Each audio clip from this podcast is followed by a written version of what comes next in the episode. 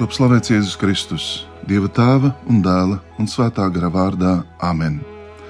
Šodien ar jums svētbrīdī ir Romas katoļu biskups, Svētās Marijas Magdalēnas draugs prāvests Andris Kravalis. Ar pelnu kaisīšanas ritu Rietumu baznīca ir iesākusi lielo gavēni. Šajā laikā Dieva vārds mums norāda ceļu, pa kuru ejot, mēs varam auglīgi izdzīvot šīs 40 dienas, kas mūs ved pretī lieldienām. Ievērodama 40 dienu gavēni, baznīca katru gadu pārdomā Jēzus kārdināšanas notikumus tuksnesī. Tas ir ceļš, ko gāja Jēzus, un mēs vēlamies viņam sekot. Pirms uzsākt publisko darbību pēc kristībām pie Jāņa Kristītāja, Kungs Jēzus aizgāja tuksnesī, kur tika vēlna kārdināts. Ieklausīsimies Mateja Vāģēlīja 4. nodaļas fragmentā, sākot no 1. panta kurš runā ne tikai par Jēzus kārdināšanu, bet arī viņa uzvaru par ļauno.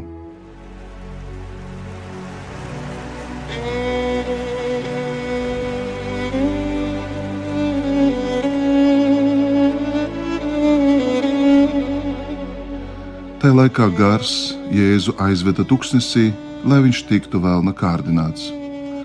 Un, kad viņš 40 dienas un 40 naktis bija gavējis, viņš beigās sajūta izsalkumu. Un kārdinātājs, pieejams viņam sacīja, ja tu esi dieva dēls, tad saki, lai šakmeņi to par maizi. Bet Jēzus atbildot, sacīja rakstīts, ne no maizes vien dzīvo cilvēks, bet no ikviena vārda, kas iziet no dieva mutes. Tad vēlams viņu paņēma uz svēto pilsētu, nostādīja svētnīcas jumta pašā galā un viņam sacīja: Ja tu esi dieva dēls, tad meties lejup. Ir taču rakstīts, Saviem eņģeļiem viņš ir devis pavēli par tevi, un viņa nesīs tevi uz rokām, lai nejauši tu neievainotu savu kāju uz akmens. Jēzus viņam atbildēja, bet ir arī rakstīts: nekārdini kungu savu dievu. Un vēlreiz Vēlns viņu paņēma līdzi ļoti augstā kalnā un parādīja viņam visas pasaules valstis un to godību, un viņam sacīja: To visu es tev došu, ja tu zemē mezdamies mani pielūgsi. Tad Jēzus viņam atbildēja: Atkāpies, Sātan, jo ir rakstīts, te būs pielūgt kungu savu dievu un viņam vienam kalpot. Pēc tam vēlns viņu atstāja, un lūk, pienāca eņģeļi un viņam kalpoja. Tie ir svēto rakstu vārdi.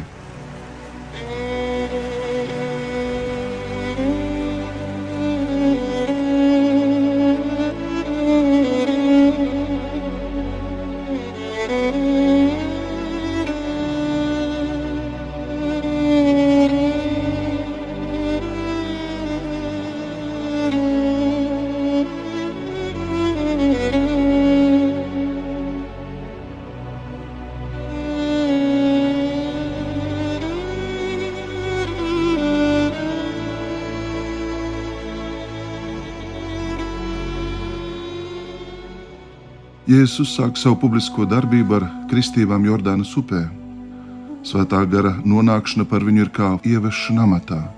Jēzus ir gaidītais mesija, kurš tiek iecelts ķēniņa un priestera kārtā, bet tālāk visi trīs sinoptiskie evaņģēlīji mums par pārsteigumu uzsver gars, ved Jēzu tuksnesī, lai tur viņš tiktu vēlna kārdināts. Jēzum ir jāienāk cilvēka eksistences drāmā, tas pieder pie viņa sūtības kodola. Viņam pilnībā jāiziet tai cauri, lai glābtu ievainoto cilvēku un uzvarētu sātanu. Sātans viņu kārdina trīs reizes, meklējams, kā varētu izjaukt viņa dēla attiecības ar tēvu. Ļaunais gars aicina Jēzu vispirms pārvērst konkrētu akmeni par maizi, vēlāk parāda viņam visas pasaules valstis un piedāvā kļūt par varenu un spēcīgu valdnieku, un visbeidzot aizved viņu uz Jeruzalemes svētnīcas visaugstāko punktu un mudina mesties lejā, lai spektakulārā veidā apliecinātu savu dievišķo spēku.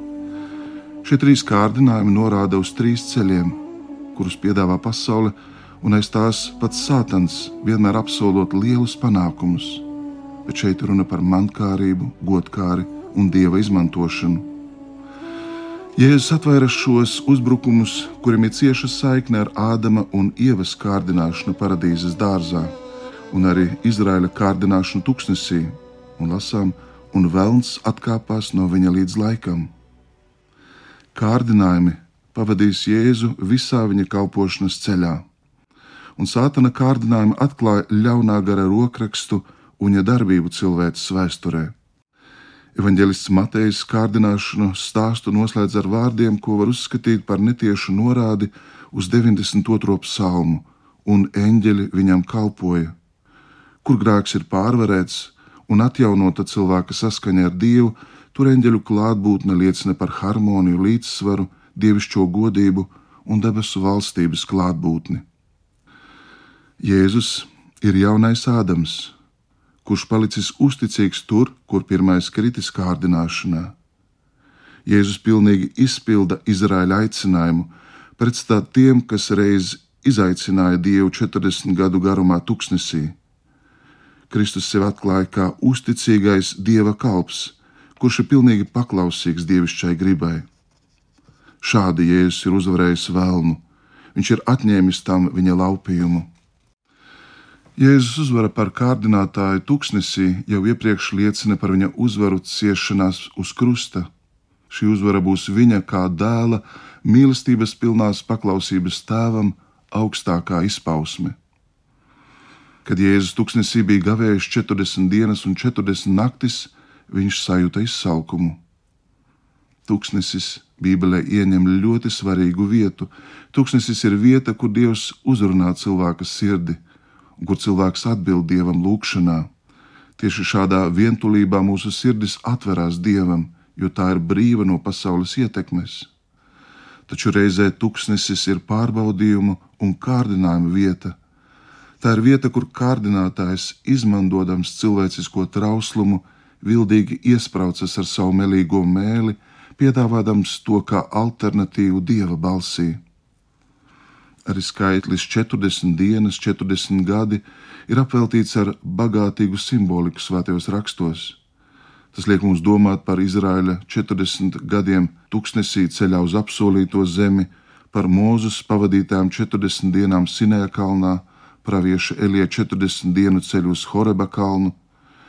Jēzus it kā no jauna izdzīvo Izraēla izceļošanu, un tad izdzīvo visas vēstures līkločus 40 gavēšanas dienas aptver visu vēstures drāmu, ko Jēzus uzņemās sevī un nes līdz galam. Bet tagad apstāsimies pie katra no kārdinājumiem. Ja tu esi Dieva dēls, saki, lai šie akmeņi to par maizi. Ja tu esi, šos vārdus teiks apsmējēji krusta pakājē, ja tu esi Dieva dēls, kāp zemē no krusta, Šī prasība pēc pierādījumiem ar vien atkārtosies Jēzus dzīves laikā. To pašu mēs taču prasām no Dieva, Kristus un Viņa baznīcas caur visai vēsturē. Dievs, ja tu esi, tev sevi jāpierāda, tev jākliedē mākoņi, kas tevi apslēpj, un jādod mums skaidrība. Kārdinātājs pirmā kārdinājumā aicina Jēzu pierādīt savu dievišķumu, tūkstneša akmeņus pārvēršot par maizi. Zīmīgi, ka šādi kārdinājumi un izaicinājumi Jēzum sekos viņa dzīves laikā. Jēzus atbild: Ne no maizes vien dzīvo cilvēks, bet no ikviena vārda, kas iziet no dieva mutes. Šos Jēzus vārdus mēs saprotam labāk, aplūkojot maizes pavairošanas brīnumu. Toreiz tika paēdināti tūkstošiem ļaužu, kas bija sekojuši kungam. Cilvēki bija atstājuši visu, devušies uz vientuļu vietu, un pulcējušies, lai klausītos dieva vārdu.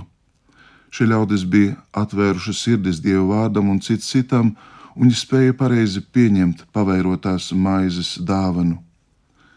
Ieklausīšanās dieva vārdā kļūst par dzīvi ar dievu, un tā ved no ticības pie mīlestības, pie otra atklāšanas. Jēzus nav vienaldzīgs pret cilvēku izsalkumu, un pēdējā vakariņa laikā viņš pats kļūst par dzīvības maizi pats Jēzus kļūst par kviešu graudu, kurš nomirst, lai nestu daudz augļu. Vācu jēzuītu tēvs Alfrēds Delps, kuru nogalināja nacisti, saka, maize ir svarīga, brīvība vēl svarīgāka, bet vissvarīgākā ir nepārtraukta uzticība un pielūgsme bez vilšanās. Ir svarīgi Dievu likt pirmajā vietā, Viņš ir jāatzīst par īstenību, tādu īstenību, bez kuras nekas cits nevar būt labs. Pievērsīsimies otram Jēzus kārdinājumam. Kārdinātājs Vēlns viņu paņēma uz svēto pilsētu, nostādīja svētnīcas jumta pašā galā un viņam sacīja: Ja tu esi Dieva dēls, tad meties lejup, ir taču rakstīts, saviem eņģeļiem viņš ir devis pavēli par tevi, un viņi tevi nesīs uz rokām, lai nejauši tu neievainotu savu kāju uz akmens. Pārsteidzoši, ka Vēlns citē svētos rakstus, lai ievilinātu Jēzu savās lamatās. Viņš citē 91. psalmu, kas runā par dieva aizsardzību ticīgam cilvēkam. Šie vārdi iegūst īpašu nozīmi ar to, ka tie tiek teikti svētajā pilsētā un svētajā vietā. Vēlns uzstājās kā teologs. Teoloģiskais strīds starp Jēzu un Vēlnu ir strīds par pareizu svēto rakstu interpretāciju un patiesībā par to, kas ir pats Dievs. Strīda saturs ir redzams Jēzus atbildē, kas arī ir ņemta no atkārtotā likuma grāmatas, ja piektās mūzes grāmatas, nekārdini kungu savu dievu. Šī grāmata atgādina par to, ka Izraēlas tuksnesī gandrīz gāja bojā no slāpēm. Izraels sacēlās pret mūzu, un šī sacelšanās pavērsās pret Dievu. Dievam jāpierāda, ka Viņš ir Dievs, vai tiešām Dievam ir jāpakļaujas pārbaudēji? Taču no šīs tempļa smailes mēs garā varam redzēt Kristus krustu. Kristus nemetās lejā no tempļa smailes, viņš nelēca bezdibenī, viņš neaizaicināja Dievu bet viņš nokāpa nāves bezdibenī, atstātības naktī un neaizsargāto pamestībā. Viņš uzdrīkstējās veikt šo lēcienu, parādot dievu mīlestību uz cilvēkiem. Viņš veica šo lēcienu, nokāpjot elles un nāves valstībā, atbruņojot un satriecot šīs valstības pamatus. Esam nonākuši pie trešā, pēdējā kārdinājuma, kas ir visa stāsta kulminācija. Velns redzējumā aizved kungu augstā kalnā, viņš rāda visas pasaules valstis to spožumā un piedāva viņam varu par pasauli. Vai tieši tā nav mesijas sūtība, vai viņam nav jābūt pasaules valdniekam, kas visu zemi apvienotu lielā mierā un labklājības valstī? Visos laikos, un arī šodien ir cilvēki, kuri domā, ka Kristus valstība ir jāiegūst politiskas valsts izskats un spožums. Kārdinājums ticību nostiprināt ar varas palīdzību ir klātesošs visos gadsimtos, un ticībai vienmēr draud noslēpšana varas apkampienos. Caur gadsimtiem baznīca ir cīnījusies par savu brīvību, par to, lai Jēzus valstība netiktu identificēta ar kādu politisko veidojumu. Uzskatāmi tas redzams kaimiņu valstī, Austrumu baznīcas gadījumā, kad ticība kļūst par varas kalponi un tai jāpakļaujas varas mērauklē. Kārdinātājs nav tik primitīvs, lai tieši piedāvātu mums pielūgt vēlnu. Viņš tikai piedāvā izšķirties par labu saprātīgajam, par labu izplānotai un pilnīgi organizētai pasaulē, kurā dievam var būt vieta tikai privātajā jomā, privātajā sfērā bet viņš nedrīkst iejaukties mūsu būtiskākajos nodomos. Brāļi un māsas Kristū, dārgie radio klausītāji, Dieva vara šajā pasaulē darbojas klusi, taču tā ir īsta, paliekoša vara. Atkal un atkal var likties, ka Dievam draudz sakāvi, taču atkal un atkal viņš izrādās tas, kurš paliek un tas, kurš izglāb. Visas pasaules valstis, kuras viens sātans toreiz varēja parādīt kungam, nu jau ir izzudušas. To godība ir izrādījusies mirkļa mirāža, bet Kristus godība, viņa mīlestības pazemīgā un ciešanām gatavā godība nav zudusi un nezudīs.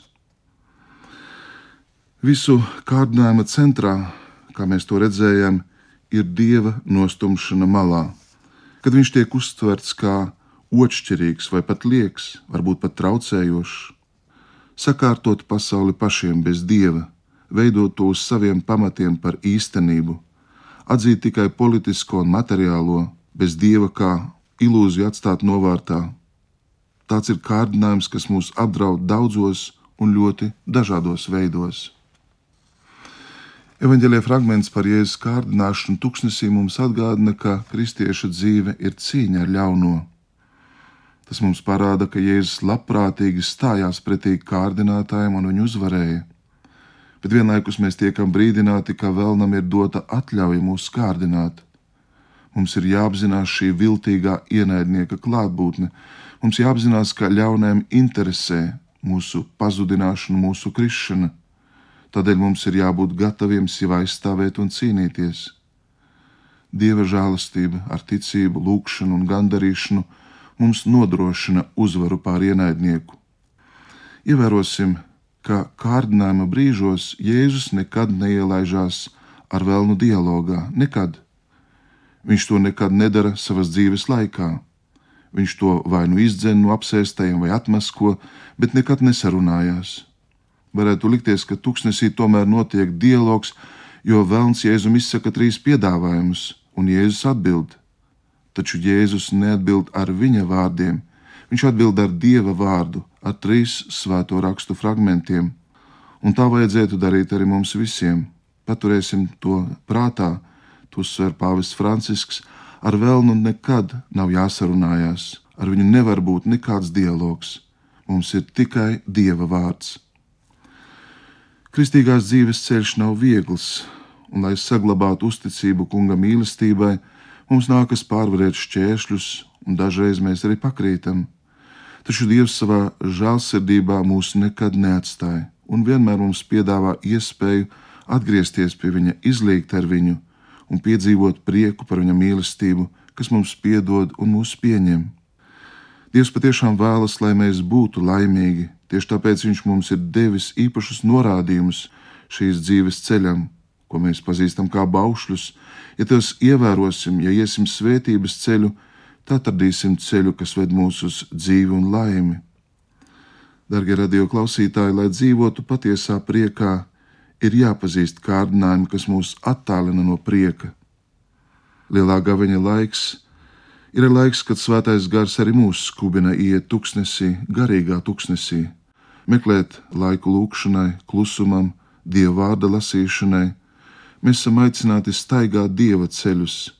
Atjaunojot savu kristības solījumu, tas ir atteikties no sātana, no visiem viņa darbiem un visiem viņa kārdinājumiem, un uzticēsim sevi jaunavas Marijas mātišķai aizbildniecībai. Lūksim, lai svētais gars mums dāvā gaismu, kas nepieciešama, lai spētu apzināties savu grēcīgumu un lūgt dievam atdošanu, atgriezties, iemantot mieru un paļāvību Kunga rokas un viņa sirds ir vienmēr atvērta.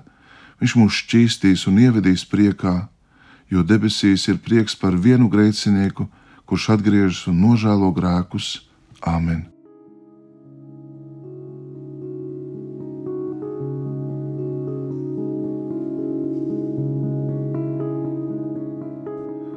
Lai Dievs jūs visus bagātīgi svētī, un tagad vienosimies kopīgā lūkšanā Mūsu Tēvs debesīs, svētīts lai top tavs vārds, lai atnāk tava valstība, tavs prāts, lai notiek kā debesīs, tā arī virs zemes.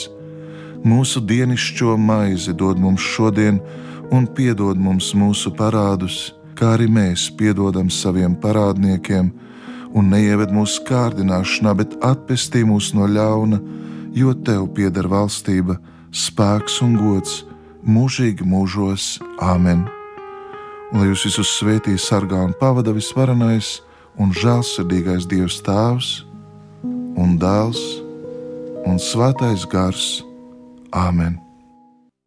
Ar jums kopā bija Katoļu baznīcas biskups, Svētās Marijas Magdalēnas draugs prāvests Andris Kravalis.